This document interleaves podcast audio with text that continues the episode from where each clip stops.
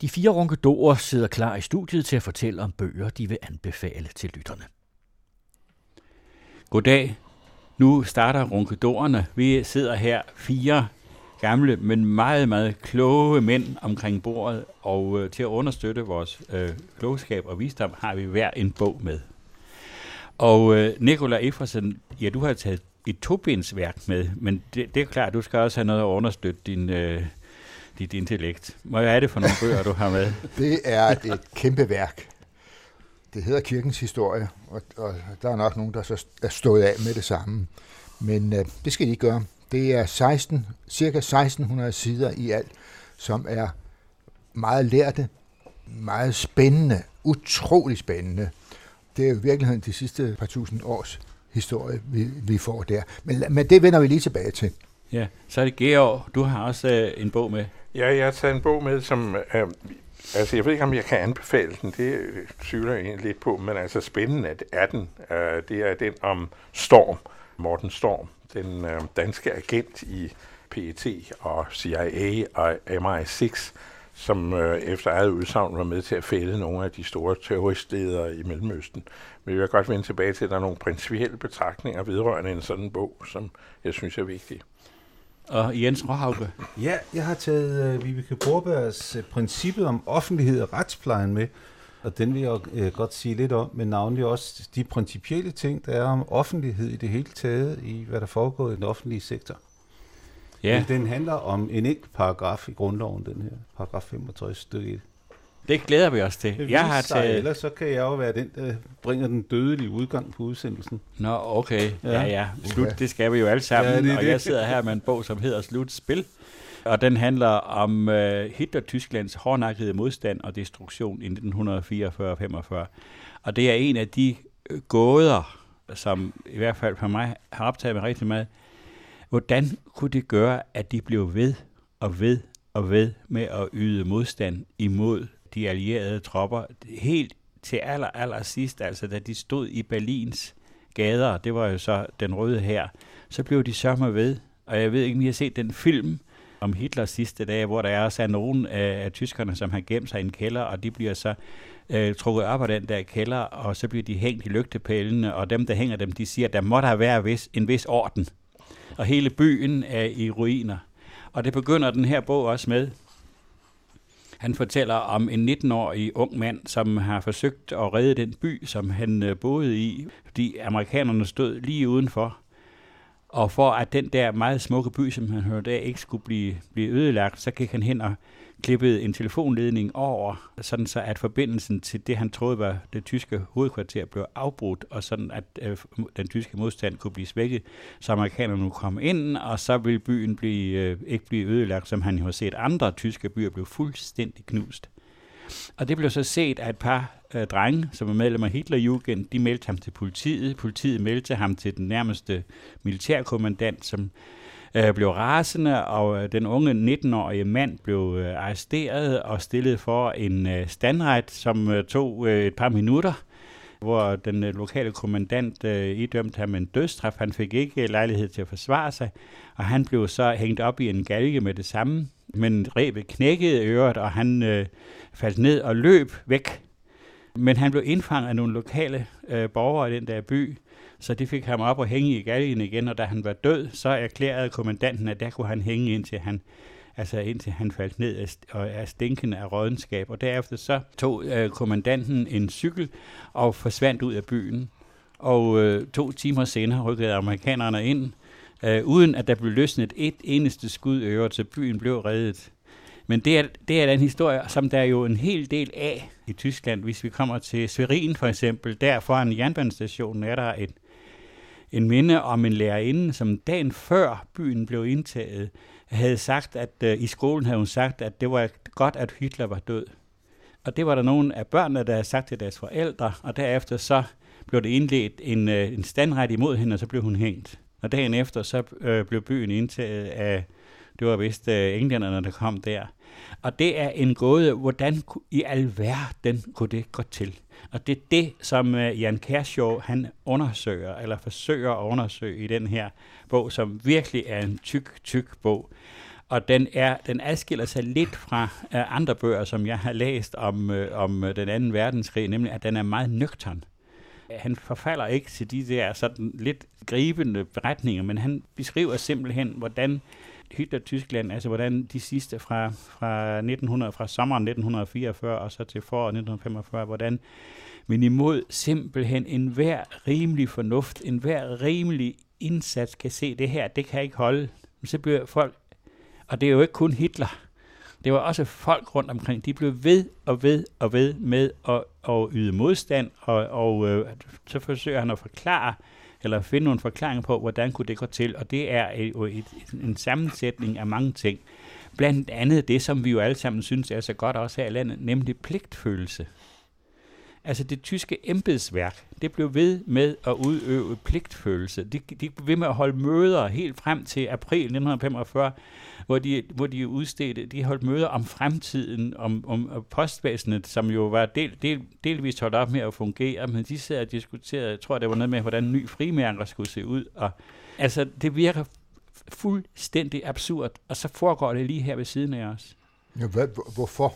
Altså nu har Ejern Kørsjov et, et, et bud på, hvorfor? Ja, det er en kombination af mange forskellige ting, men altså øh, dels var der omkring Hitler bygget et magtsystem. Der var ikke nogen alternativer. Der var ikke nogen, noget ved siden af. Det, som måske kunne have været et sted, hvor man kunne have sagt, at her var der en mulighed for, at der kunne komme en opposition, det var øh, det, der hed hjemmeværnet. Men efter attentatet mod Hitler den 20. juli 1944, der blev det fuldstændig elimineret så kørte man en hård propaganda, og man udnyttede 150 procent, måske 200 procent, øh, de overgreb og brutaliteter, som den røde her rent faktisk begik i Østpreussen, da de rykkede ind i Nemmersdorf, hvor den røde her rykkede ind. Der fandt man jo så, fronten flyttede sig sådan lidt frem og tilbage, og der fandt man så kvinder og børn, alle kvinder blev blevet voldtaget, og kvinder og børn var blevet sømmet nøgne til ladeporten, sådan som korsfæstet tilstand. Og det øh, har jeg også troet på var sandt, og det er nok heller ikke helt forkert. Men Jan Kershaw siger, at der er ingen fotografier. Der er ingen rigtig dokumentation for det der. Selvom der mangler jo ikke eksempler på, at den røde her opfører sig helt, helt forfærdeligt. Og de der skrækbilleder af, hvad, hvad der ville ske, når de røde kom, øh, russerne var der jo ikke, det var mongolske tropper, men det har været med til at opretholde øh, en, en, en, en skræk i simpelthen i øh, den tyske befolkning, som gjorde, at de klamrede sig fast til det der. Men derudover er der også en magtstruktur, som, som øh, hænger sammen med, at Hitler var den eneste person, som havde magten.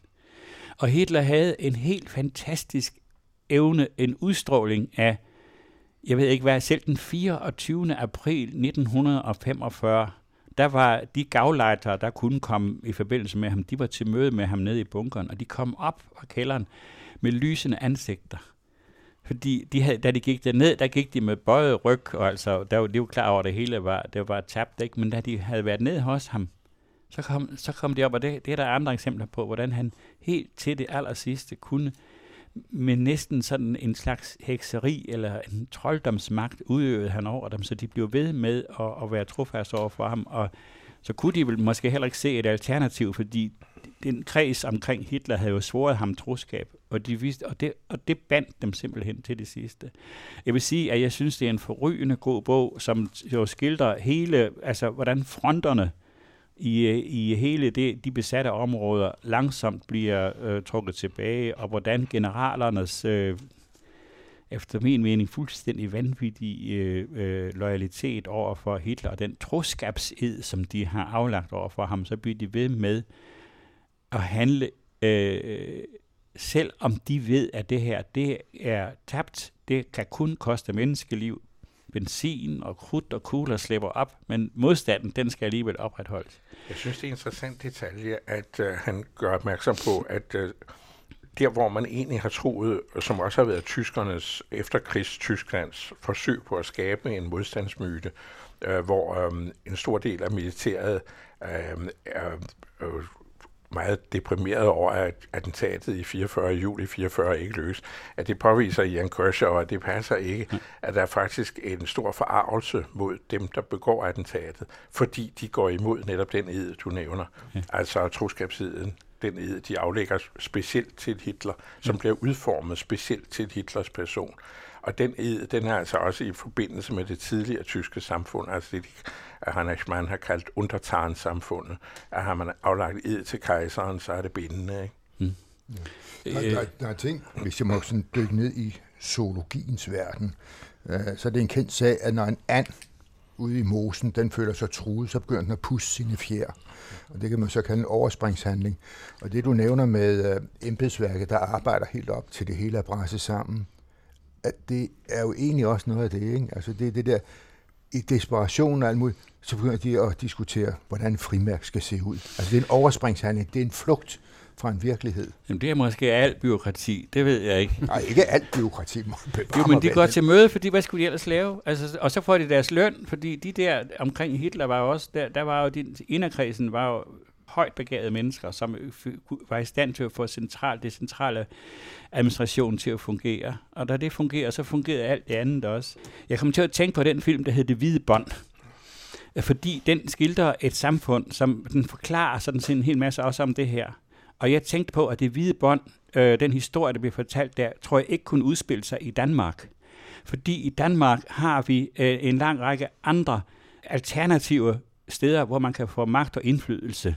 Det, kan, det kunne man ikke. Der, der var kun det ene system. Der var ikke en andelsbevægelse. Der var ikke nogen andre forenings. Alt var koncentreret. Alt handlede simpelthen om den der ene søjle, hvor magten var centreret i. Og det er fordi, der ikke var sådan noget ved siden. Det er en af årsagerne til det. Men de ja, kunne jo lide det. Men er det rigtigt, Egon?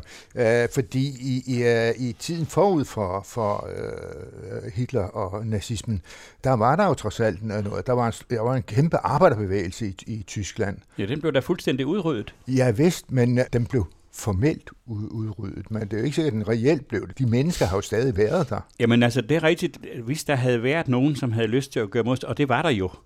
For eksempel ham her, Limpert, som blev hængt. De var der jo. I de sidste måneder blev der oprettet, der hed flyvende standretter, som var rent faktisk altså en intern terror imod folk, som, som gav udtryk for at mene noget andet, og som rejste rundt og, og af, afsagde dødsdom og henrettede folk på stribe igennem hele Tyskland. Altså, der blev også udført terror imod tyskerne selv, for at skræmme dem væk fra en, en, at ytre en mulig modstand til sidst.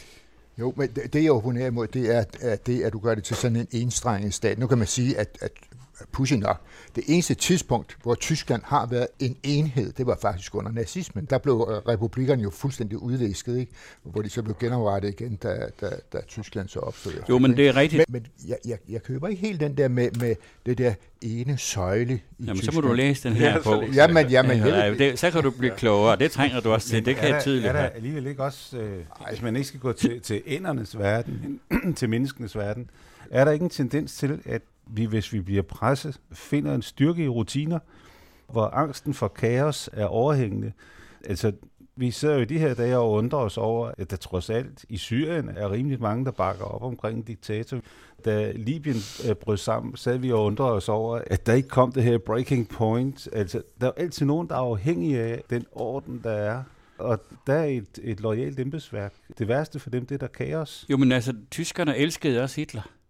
Altså det, det, det store flertal af, af tyskere elskede den mand, og, og, og hans karisma, øh, står der, den, den forsvandt godt nok der de sidste år af krigen, men der var stadigvæk rester af gammel kærlighed øh, og gammel beundring. Mm. Og det, som Hitler jo slog sig op på, som helt tydeligt også hører hjemme i en autoritær stat, ikke, det er, at jeg bringer orden. Mm. Mm. Og den orden, det er den, som, som alle, øh, må jeg så sige, autoritære højorienterede øh, populister osv. henviser til. Der var engang en orden, og den orden skal vi have indført igen. Det er den samme drøm om orden, og vi skal have ro, og der skal alle de der forbrydere, de skal bare knaldes ned. Og det er med til at, at, at forklare det her. Den periode, hvor man kan tale om et firestrenget, altså det som, som øh, Nikolaj efterlyser, den, den er jo meget kort. Den ligger jo faktisk kun fra 19 til 33, ja. hvor uh, man så oplever det forfærdelige, at det så også går i opløsning, mm. som dels skyldes de indre kræfter med et meget stærkt kommunistparti, som gør alt, hvad de kan for at genere Socialdemokraterne ja. mere, end de generer af højrefløjen. Og så øh, inflationen, som skaber det her kaos. Og ud af det kaos træder så den her mand med de enkle løsninger og, og vold som øh, opskrift.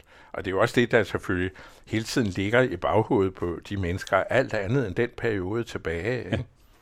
Så det tror jeg hører meget sammen med det. Og så terrorapparatet selvfølgelig. Det er jo et morsomt, han også påviser, hvad han også gør i sine andre bøger. Han har jo skrevet en fremragende biografi om Hitler, et tobindsværk, at øhm, det terrorapparat, som nazisterne havde, behøvede ikke være så stort, som det Stalin etablerede. Hvor, øh, eller, eller Franco for den sags skyld. Eller, altså mange af de andre diktaturer. Eller DDR. Ja, eller DDR Øh, det, øh, det, det var ikke nær så stort. Der var temmelig mange tyskere per Gestapo-mand. Øh, det, det var en, en anden form for diktatur. Der var altså, Hitler kunne træde ind på den søjle, du taler om, og udnytte den på den baggrund af kaos. Jeg vil sige, jeg vil, jeg vil lige sige, Georg, altså der var jo andre søjler, hvis man nu bruger det udtryk, også før uh, Weimar-republiken blev skabt. Altså der var jo også en stærk arbejderbevægelse i den Wilhelminske tid. De fik ikke særlig meget magt. Ah, de, ja, de sad jo trods alt i rigsdagen, ikke? Og, ja, ja, og, og, og, og rigsdagen havde dog vist... Og, nej, nej, nej, nej, du, det, nej, det skal du ikke underkende. Altså, der var trods alt på visse områder en, øh, en, en stærk indflydelse der.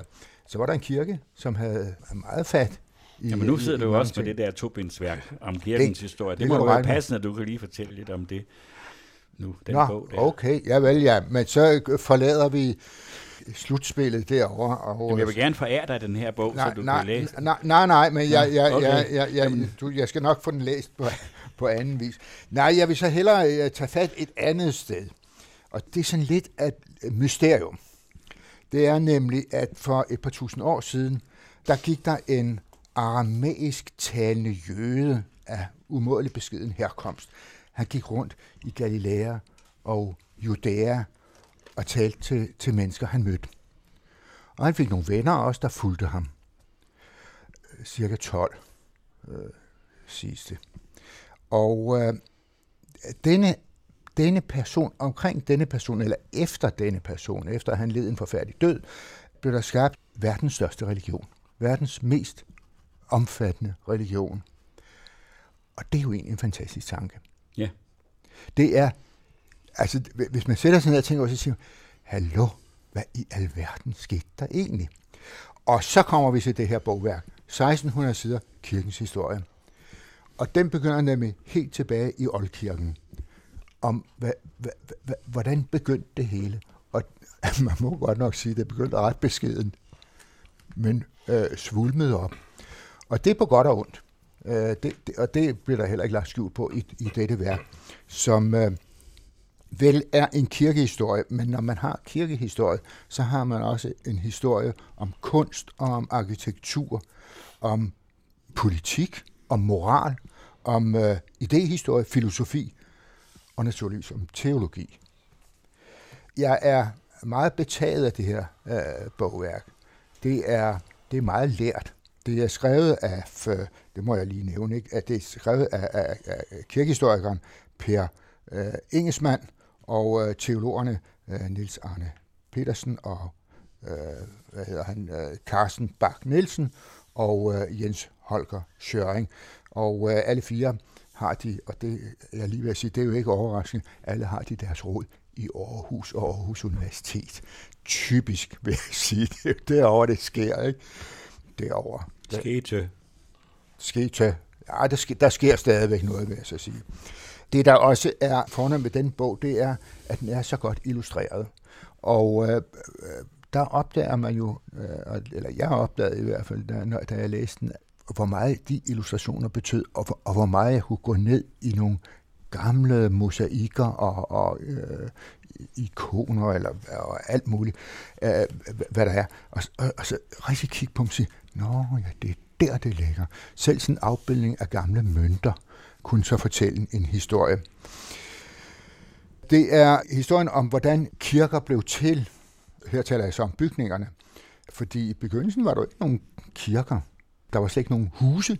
Man mødtes sådan rundt omkring hos mennesker. Og først, da vi kommer hen i, i, i det tredje århundrede, så kommer de første såkaldte huskirker. Og der kan man så sige, at øh, i de følgende mange hundrede år, der øh, kom der gang i kirkebyggeriet. Øh, det er jo bare at kigge sig omkring, tage en tur ned gennem Europa, ikke? opleve disse fantastiske øh, kirker, der er bygget.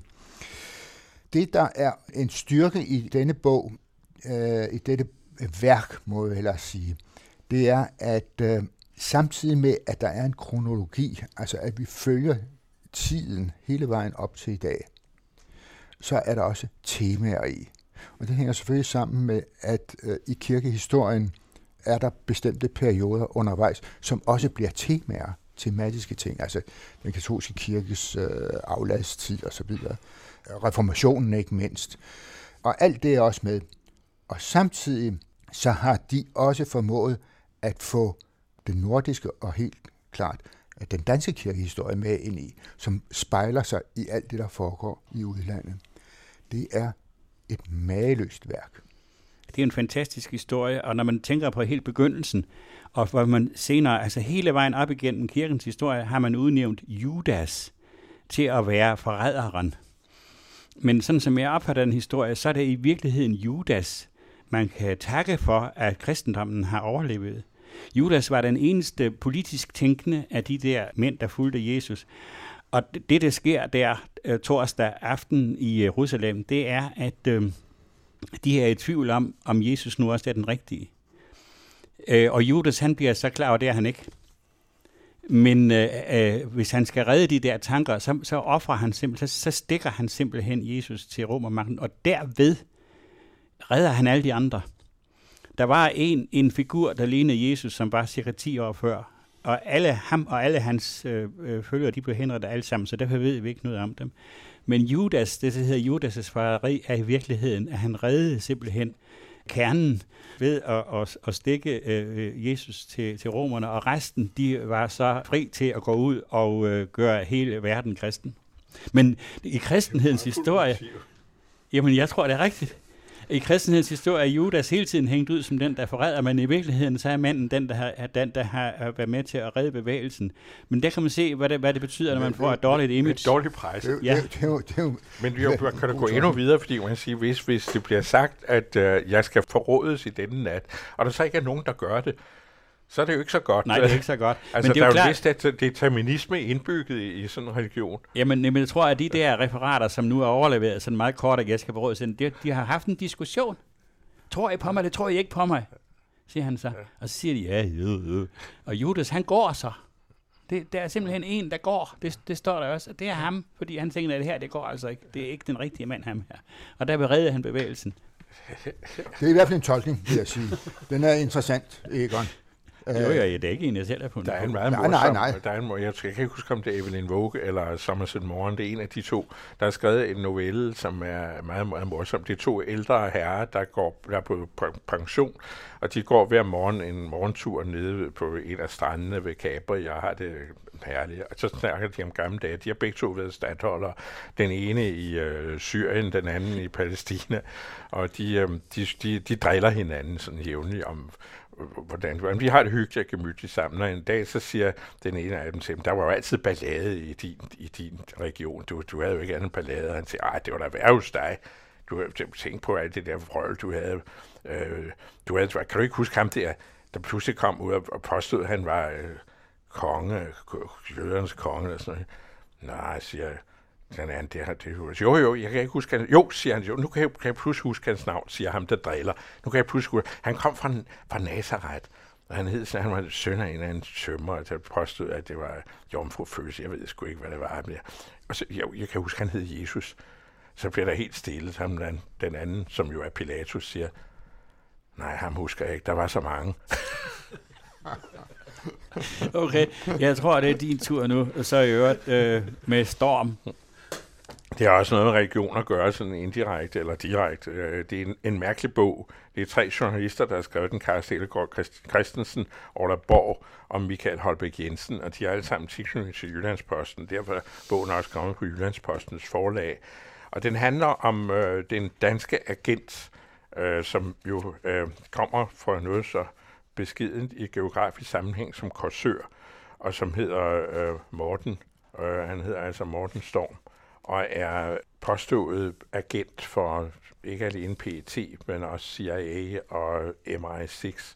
Hans historie er meget mærkelig. Han, han begynder som en rod. Han får jo et tisk i sit hjem af en ond stedfar, fuldstændig efter eventyret, og øhm, udvikler sig som en rod, voldelig rod, der øh, får pletter på straffeattesten, bliver næsten medlem af en rockergruppe, en af de store, og øh, konverterer sig pludselig til islam og bliver glødende øh, muslim og militant muslim og søger til udlandet og søger til de muslimske centre og får øh, indpas hos nogle af de store øh, navne der, altså det vi kalder terroristerne.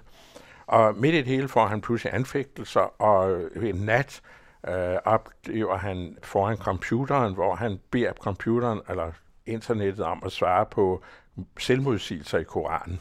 Og de vælter sig ind i hans computer, og derudaf ser han, at det nytter jo ikke noget der. Men så øh, melder han sig så til PET, for nu vil han bekæmpe islam. Og det gør han så med fynd og klem, og får altså adgang til, har adgang til de her meget hemmelige øh, adresser i Yemen og andre steder. Og øh, i det her samarbejde med PET og CIA, som det også bliver til MI6, som dog er lidt mere tilbageholdende. De er åbenbart lidt mere lovlydige end vores eget PT og CIA. Uh, øh, men de, de, de to, de øh, opmuntrer ham til at fortsætte de her forbindelser, således at han kan anbringe de her specielle devices, det kan være et USB-stik eller hvad det nu er, så de amerikanske øh, øh militærfolk, altså dronerne, kan finde de her sataner og slå dem ihjel, hvad de så også gør. Og det er øh, alt sammen noget, som ifølge Storm er hans fortjeneste. Og øh, da så CIA ikke vil give ham den fulde øh, kredit for det her, blandt andet i form af 5 millioner dollars, som jo er temmelig mange penge, så bliver han tosset, og så går han til offentligheden med sin historie, og det er den, der ligger her. Og det er jo alt sammen meget godt. Det er dødspændende, altså det vil jeg indrømme. Det er, man læser den på, på, på én gang, fordi det er elementært spændende.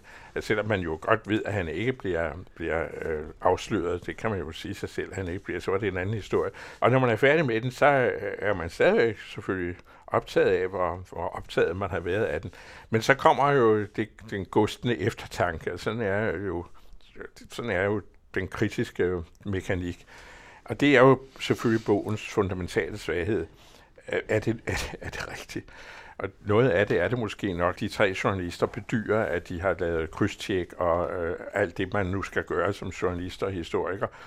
Det, der er svagheden, og den fundamentale svaghed, det er, at vi kan ikke gå dem efter i kilderne. Vi kan ikke se, hvorfra de har deres viden. Noget af det siger sig selv, at der er øh, folk, som øh, selvfølgelig ikke kan stå frem og sige, at de øh, enten kan bekræfte eller afkræfte de her historier. Men øh, under alle omstændigheder er det selvfølgelig en svaghed, at vi ikke kan kigge dem i kortene. Så derfor man har jo ikke meget glæde af det som en kildeskrift, det her. Altså man kan sige, at det kan da godt være, at det er foregået noget hen i den retning, og noget af det måske også rigtigt, noget af det er måske rent opdigt. Så alt i alt, så er det en meget, meget tvivlsom udgivelse, som jeg stort set ikke rigtig ved, hvad man skal stille op med andet at læse den og sige, hvis det foregår på den måde, så se i noget til os ned i den hele redelighed. Fordi så er der ikke noget, der hedder retssikkerhed i den verden, vi lever i. Så gør efterretningstjenester det, de ikke må. De tager altså folk ud, som det hedder på engelsk, amerikansk, og myrder folk uden, uden rettergang. Og det er jo altså ikke særlig heldigt i retssamfund. Sådan må man jo konkludere og sige, hvis vi opgiver det, jamen så har vi ikke noget retssamfund. Så kan man jo på en filosofisk og lidt finurlig måde sige, at så har terroristerne vundet. Og det er jo altså det, der er den allermest skrækkelige pointe i det her. Uh, mens man læser der bliver den her storm jo sådan lidt af en held, og man er jo også på hans side. Man håber jo inderligt, at de ikke afslører ham og skyder ham ud i ørkenen, eller hvad de nu gør, sker et eller andet af ham. Men samtidig, som han siger, at han jo hermed øhm, er iværksætter af det helt store retsbrud, som åbenbart er sket hvis det er rigtigt, med PET's velsignelse. Og det er sgu ikke så godt. Derfor kan man sige, at det bedste, der kan komme ud af denne bog, det er en skærpet tilsynspligt med øh, efterretningstjenesterne. Det, det er jo så også det, som, øh, hvad skal vi sige, hele historien med Hamstorm øh, åbenbart har sat i værk. Ja, det er jo, at, at man diskuterer det. Ja, nu må man diskutere det, og så må ja. man se, hvad der sker. Det er jo klart, der er jo et grundhensyn. Det er jo den gamle, det er jo et gammelt filosofisk problem. Hvor, hvor langt skal man gå, hvis man kan redde øh, en, øh, en landsby? Ikke? Altså, hvor, hvor langt vil vi så gå i øh, opgivelse af for eksempel retsprincipper. Diskussionen har jo også været med hensyn til tortur. Kan man tilsidesætte forbuddet mod tortur, hvis man kan redde rådhuspladsen fra at blive øh, terrorbombet af et jumbojet? I virkeligheden, når man går dybere ned i det, så er det en falsk problemstilling, men den er besnærende. Og det er sådan set den samme problemstilling, som bliver stillet op her. Kan man ikke godt acceptere det, Storm gør? Kan man ikke godt acceptere, at PET og CIA med kysseren tager imod sådan en mand, der har de her, den her, det her indblik og den her adgang til disse folk? Fordi gevinsten er så stor. Og der synes jeg, efter grundig overvejelse, at man må sige, nej, det kan man lige præcis ikke. Altså her, her, går, her går altså grænsen. Du, du må lige forklare, hvad, hvad, hvorfor det er en falsk problemstilling. Jamen for altså, det, altså det ja, forholdet mellem, mellem Fordi man kan jo ikke tilsidesætte et grundprincip for at om, som sige, opretholde et andet. Altså, så det, det er jo ligesom i matematikken, så er det to negationer, der ophæver hinanden. Ikke? Altså, den går jo ikke i filosofisk forstand. Så har du, så vil sige, det er det samme, man siger, vi ophæver demokratiet for at beskytte det, ikke? for at redde det. Det er jo noget vrøvl. Det kan man jo ikke. Altså, det, det siger jo sig selv, det kan man ikke. Vi siger, at vi indfører diktatur, fordi vi vil så gerne beholde vores demokrati. Det er jo nonsens. Og hvis man siger, at vi indfører tortur, bare et øjeblik, fordi vi vil godt beskytte retssamfundet, jamen så har du ophævet retssamfundet. Mm. Vi sætter den her mand ned for at dræbe en mand uden rettergang, fordi vi, vi vil meget gerne opretholde det samfund, vi kender. Fordi den her mand, som vi gerne vil dræbe, han er ude på at ødelægge det. Mm. Jamen i et øjeblik, du dræber ham, så har du ødelagt det. Jamen, så, det, jeg, så er det væk. godt, Georg, men, men, men, men, det er, men, men derfor bør det ikke være en, en, en, en falsk modsætning. Altså, man kan jo godt, uh, man kan jo godt diskutere det alligevel. Ja, ja, uh, fordi du, du, nu sætter du om, om det, man kan ikke ophæve demokratiet for at beskytte demokratiet. Hvis vi så tager det på lidt, om jeg så må sige, et, et enkelt niveau, ytringsfriheden. Ikke? Uh, vi priser ytringsfriheden, men alligevel så begrænser vi ytringsfriheden. Altså vi, uh, vi gennem lovgivning er, er, er der ting, der er forbudt. Jamen ved du hvad, det er da også derfor, jeg øh, personligt altid har ment, at det var en falsk problemstilling, da man havde diskussionen om Muhammed-tegningerne, eller karikaturerne, hvor man siger, at vi har ytringsfrihed, så siger jeg, at vi har ytringsfrihed med forbehold fordi du har ikke absolut ytringsfrihed. Du ville have ret, hvis vi havde absolut ytringsfrihed, men det har vi ikke. Det har man jo øvrigt heller ikke, hvis man nu trækker det helt ned på det plan og siger, det har man jo ikke, heller ikke i moralsk forstand mennesker imellem. Vi har jo ikke total ytringsfrihed. Det ville jo være en meget mærkelig samvær, vi så havde med hinanden, ikke? hvis man hele tiden alene i et ægteskab siger, hvad man mener hele tiden. Ikke? Det, det vil jeg bestemt ikke anbefale. Altså, det, det, så tror jeg ikke, at ægteskabet var ret længe. Nej, men har, nej, nej, nu er der forskel på, på, nu er der forskel på et ægteskab og Vi så på ikke et mange samfund. Nu, nu, nu, nu, nej, nej, store problemer. Men, men, men, men man har altså et, hvad skal jeg sige, en institutioneret uh, indskrænkning af ytringsfriheden. Altså igennem lovgivning. Det, det må vi jo finde os i, at det er sådan. Ja, det har jeg altid ment. Uh, det, det har jeg ikke noget som helst uh, Nej, nej, men, men, men, men, men det er mere som eksempel på, at selvfølgelig kan man da diskutere men kan man godt... det der. Altså, men så kan du sige, forholdet hvis du, med, med, jamen hør nu her, Nikolaj, hvis man så siger, for at beskytte ytringsfrihed, så afskaffer vi den. Altså, så, så har du den jo i nødskal. Så siger vi, der er ikke ytringsfrihed mere under nogen omstændigheder. Hvis du ytrer dig nede på, på gaden, så kommer politiet og tager dig så har du selvfølgelig afskaffet ytringsfriheden, og så og hvis du så, dit argument er, at det er for at opretholde den, så er det naturligvis noget vrøvl. Ikke? Det er sagt meget godt af forfatteren Peter Poulsen i rulletekster. Som støtte for ytringsfriheden råbte jeg røvhul efter min nabo. det, det er meget godt sagt, synes jeg. Men altså, ja. som sagt, det er, øh, det er en tvivlsom bog, og jeg har svært ved at acceptere, jeg havde nær sagt, dens grundprincip. Ja. Men der tak. er noget med, at de der uldne kanter altid har lidt at gøre med, ud over det filosofiske, hvem man holder med. Altså, for eksempel var en af begrundelserne for, at, at øh, nogen var forbrydere i Afghanistan, det var, at de gik i andre uniformer, eller slet ikke gik i uniformer. Alligevel så har man gennem hele sin ungdom set rigtig mange øh, vidunderlige film om, hvordan amerikanerne indtog Ørneborgen, fordi de havde taget tyske uniformer på. Vi ser i øjeblikket, at der israelske tropper, der bliver afsløret i, i øh, palæstinensiske byer, iført andre uniformer end deres egne. Altså, hvis man, hvis man holder med nogen, så er det sgu da smart fundet på. Øh, altså, øh, og, og, og sådan er det vel også med Storm. Men øh, og nu de retsprincipper, du, øh, der nu, øh, har jeg jo noget her, det, som, som nemlig, handler om, om... Nu kan vi ligesom få det hele sat på plads. Lidt mere normale retsprincipper i hvert fald. Jens, hvad er det for en bog, du Nemlig med? Øh, en bog, der er kommet på Jurist- og Økonomforbundets forlag, om principper om offentlighed i retsplejen. Og det er altså paragraf 65 stykke 1, det handler om. Og hvad står der i den? Der står, at der skal være offentlighed i retsplejen i videst muligt omfang. Og, og det går helt tilbage til grundlovens fædre, og øh, at der skulle være offentlighed, der skulle ovenkøbet være mundtlighed. Det er en af Grundtvigs fortjenester. Det lærte han i England. Det er ikke noget, han selv har fundet på. Når der skal være det, så er det selvfølgelig for at sikre, at folk ved, hvad det er, der foregår. Og det er hensyn til retsfølelsen. Øh, hver enkelt skal føle sig nogenlunde sikker på at blive behandlet i overensstemmelse med loven. Det er også øh, af hensyn til retsfølelsen. Alle skal føle, at folk bliver straffet ordentligt for det, de har gjort, altså, så, så man undgår selvtægt. Og endelig, det der, jeg synes, bogen er spændende, øh, det er også af hensyn til demokratiet. Det bogen her gør, det er, at den ud over det, som man meget tit gør i, i juridisk litteratur, nemlig der refererer man til andre juridiske problemstillinger og, og til afgørelser osv. Her sætter man juraen ind i et samfundsperspektiv ved at inddrage uh, Jørgen Habermas og hans demokratiopfattelse, som netop går ud på, at øh, demokratiet er karakteriseret ved den proces, som er kendetegnet ved diskurs, som er kendetegnet ved gennemsigtighed, øh, kendetegnet ved åbenhed. Og så er det, at bogen her plæderer for, at det kan godt være, at der er offentlighed i retsplejen. Men øh, rent faktisk sker der en skævvridning øh, af den offentlighed, fordi det er kun få sager, der er så spektakulære, som beskæftiger sig med dem. Og øh, forfatteren her har i øvrigt været forsvar for, for øh, Peter Brikstofte og Glistrup, og har været anklaget for, for, øh, over for Glistrup. Så når jeg har haft nogle af de der sager, hvor der var stort presopbud, og har været øh, lidt forbandet over, at der er så stor interesse for dem, men ikke for, for de almindelige sager, som trods alt er dem, der konstituerer retsfølelsen.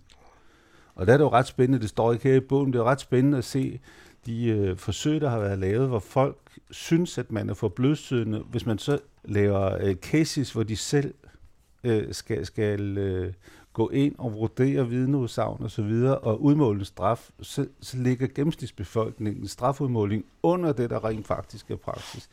Så, så det er den retsfølelsesdimension. Men langt de fleste af de sager, de er skjult for offentligheden. Øh, fordi øh, retssagerne foregår på et tidspunkt, hvor alle er på arbejde, øh, og der er ingen journalister, der gider at skrive om dem, fordi det er, er, er, er plat og så videre. Derfor foreslår forfatteren her, at man tager hensyn til den udvikling, der er sket i offentlighedsbegrebet. Altså ligesom folket har ændret karakter fra, at det, da folket godkendte jyske lov, der var det folket øh, ident, øh, øh, med adelen, og, og så har folket efterhånden øh, ændret karakter. I 1915 kom kvinderne ovenkøbet med i, i folket, så, så de også skulle høres. Altså at, at begreberne ændrer sig. Det gør offentlighedsbegreberne også. Og, og, og, og derfor... Øh, foreslår forfatteren her, at man øh, styrker offentlighed i retsplejen af hensyn til, til, til både til den enkeltes retssikkerhed, af hensyn til retsfølelsen og af hensyn til, til den demokratiske diskurs, ved for eksempel at udnytte internettet til at lave pligt til, at dommen rent faktisk kommer på internettet. Det er der ikke pligt til nu, at, at dommene kommer ud. At man laver fjernsyn, fra domsafsigelser, ja. så, så folk kan, kan følge sådan noget, og at man laver øh, retsmøder om aftenen, som man gør mange steder i USA, så folk rent faktisk har en jordisk mulighed. Altså, man kunne sige, en ny lukkelov for, for, for, for, for retsplejen var, var på beding. Så det, det er den ene side af det. Og så er der selvfølgelig nogle forståelser for, at hvis det her skal fungere, så er der nogle, nogle ting, der ikke kan lade sig gøre. For eksempel øh, en fuld åbenhed under processen kan ikke lade sig gøre lige nøjagtigt i forhold til de vidner, der ikke må blive påvirket af andre vidner.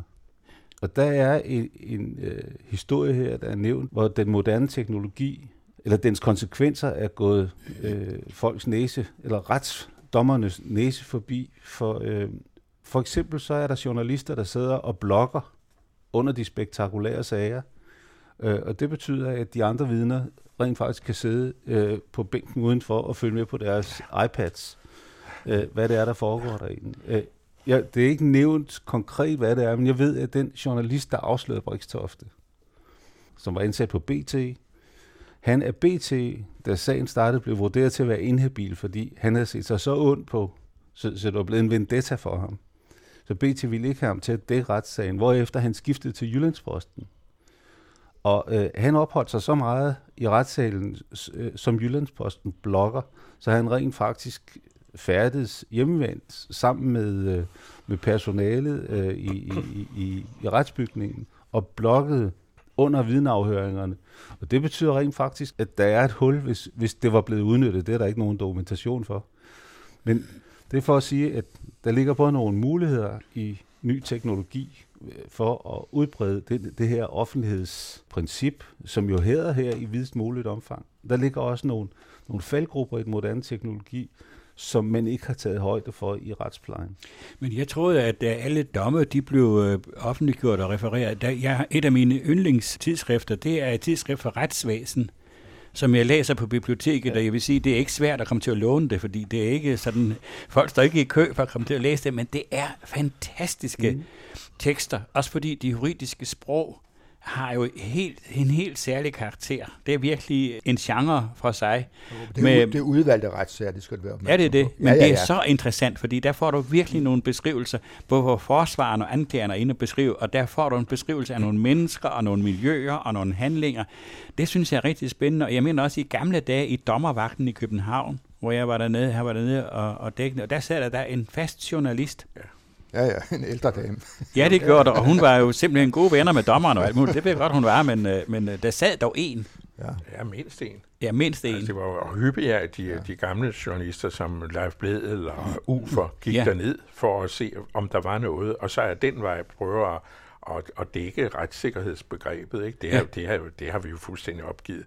Altså, det er jo frygteligt i virkeligheden. Det er, det, er, det er trist, ikke? Fordi det, det er nogle forrygende historier, der kommer. Forsider, øh, eller der gav forsider, som sælger aviser, der, der, der bliver dækket. Jamen, de andre historier er, er mindst lige så fascinerende, fordi de, de fortæller en hel masse om det, vores ja, hverdag. Der er for meget. Det, altså, man, man, man bliver kvalt i det der. Altså, det er jo... Det, det er små altså, ting. Jamen, det er alle de lommetyve der. Ja, det er det. Nej, altså, du, nu har vi ja, hørt ja. om... Polske prostituerede, ja, ja. og sådan nogen, der skal sendes hjem og alt muligt. Men der er også andet der tror jeg nu nok, altså så snart det er noget, øh, altså når vi er oppe i, i, den, i den tungere afdeling, altså hvor vi taler om, om, øh, om øh, regulær varetægtsfængsling i længere tid, og hvor sigtelsen lyder på manddrab, for eksempel, for at tage noget alvorligt noget, så sidder der også journalister nede i dommervagten. Men hvis stadigvæk... Lov, vel, vel at mærke, hvis de får lov. For, for det, det, jeg synes, der er et, et rigtig stort problem, det er, at dommer i så høj grad er villige til at lukke dørene. Mm. Der er enormt meget dørlukning ja. i dansk ja. retssal. Ja. Men, men i det hele taget er det væsentligt, at det offentlighedsprincip kommer under diskussion, også i relation til, at der findes et internet. Altså, ja. selvfølgelig står der en masse i, i, i uskrift for, for, for retsvæsen, men hvis du kigger på Egon Clausens fodspor ned til biblioteket, så er der ikke ret mange, der har trådt lige oven i dem. Nej, det er og der slet ikke. ikke ind til hylden for øh, uskrift for retsvæsen. Så det er det, den ene problematik. Den anden, det er for mig at se den større øh, om øh, danskernes generelle forhold til, til, til øh, offentlighed, i forhold til, øh, til, til de søjler, der er i vores øh, demokratiske styreform, at der breder sig en apati, som kan misbruges for eksempel til at lukke for mange døre, men også til for eksempel at lave en, en offentlighedslov nu, så, som betyder, at ministerbetjeningen bliver, bliver undtaget. En i øvrigt rimelig lov, men der er ikke ret mange rammeskrig fra andre journalister over, at ministerbetjeningen skal undtages. Så, så hele offentlighedsprincippet i Danmark, som var grundlæggende for for eksempel øh, øh, grundlovens fædre i, i alle lederkanter, kanter, der, der, er vi jo, øh, der er vi jo nogle underlige øh, provincielle ligeglade folk, når man sammenholder med, hvor meget offentlighed der er i, i USA og England. Ja, ved du hvad, Jens, det går jo igen i så mange ting. Uh, der var en justitsminister, som uh, trådte skævt i forhold til, til uh, familiesammenføringer for tamilske flygtninge. Mm. Det var en ret stor sag, må man nok sige. Ikke? Uh, hvem interesserer sig for den sag? Journalister. Mm. Der var jo ikke, øh, hvad skal vi sige, øh, fakkelså til, til ombudsmandens kontor og, og takke ham for hans øh, øh, vurdering af, af den sag. Altså, man sad i, i, i små lukkede selskaber og sagde, ja, det var vist ikke helt så godt det der, men lad os nu se, han er jo en dygtig politiker. Altså, det, det var jo øh, forarvelsen, eller hvad skal vi sige, øh, dyrkningen af, af, af det, det, det fatale øh, greb, der var der. Øh, den, den fandt sad i, i, i pressen. Det var dog en journalist, der var i årsag til, at øh, den så kom frem, og da den så kom frem i anden omgang efter øh, ombudsmandens øh, kendelse, da det kom til en rigsretssag, der blev det da dækket rigtig godt. Jeg, kan det, jeg ja, var ja, gode venner ja, med Niels for han havde smurt en madpakke hver morgen øh, og, og lavet en kan kaffe, og så cyklede han ind til, til højesteret og ja, fulgte ja. den dag efter dag efter dag. Og det fik han lov til at ja, i, kom, i kommissionen. Ja. Men ja, ja. Man, kan, jo spørge selv, om, om det ikke er værre, altså fordi øh, øh, måske er det, fordi det ikke interesserer journalisterne og redaktionerne særlig meget, det der retssikkerhedsproblem. Mm. Altså, der er noget andet stof, der er blevet vigtigere, ikke? Altså, sådan kan man jo... Jeg har jo selv siddet som chefredaktør, det var... Jeg synes, det var svært at få øh, unge journalister til at gå ned i den der forbandede dommervagt, selvom der er masser af historier. Hvis du snakker med en advokat som Asger Tylstrup, som er en af, af, landet, en af gevinsterne for dette land, øh, så vil du høre et væld af fantastiske historier fra hans tid, og også i nutiden. Altså, han, det er jo ikke så forfærdelig mange år siden, han, han øh, holdt op som aktiv advokat. Men det er jo, det er jo utrolig mange historier, som, som beskikket forsvar. Ikke? Det er utrolig mange, og som Egon siger, meget gribende historier, som går dybt ned i det danske samfund. Og derfor, er, øh, det, for mig er det en gåde, at det ikke er et, øh, et område, som en ung journalist vil sige, det tager jeg sgu på mig, og så ser, hvad der sker hen ad vejen, og måske bliver ligefrem øh, rigtig retskyndig. Ikke? Samtidig er det altså et problem, at man kender øh, via fjernsynet amerikansk retspraksis bedre end dansk. Så, så, så, som dansk borger, som ung menneske i Danmark. Ja, ja, om, om, og med denne udokumenterede påstand, så vil jeg sige tak for i dag. Nu slutter runkedorerne. Vi har hørt om øh, Hitler-Tysklands øh, kamp for øh, imod overmagten. Vi har hørt om øh, kirkens historie. Vi har hørt om øh, en dansk øh, som øh, hedder Storm. Og vi har hørt om, øh, om retssikkerhed. Og det, jeg synes, det har belyst hinanden vældig godt. Så det var dejligt, at vi igen engang fik lov til at flette snabler her ved gamle runkedorer. De fire runkedorer var Egon Clausen, Nikolaj Iffersen, Georg Metz og Jens Råhauke.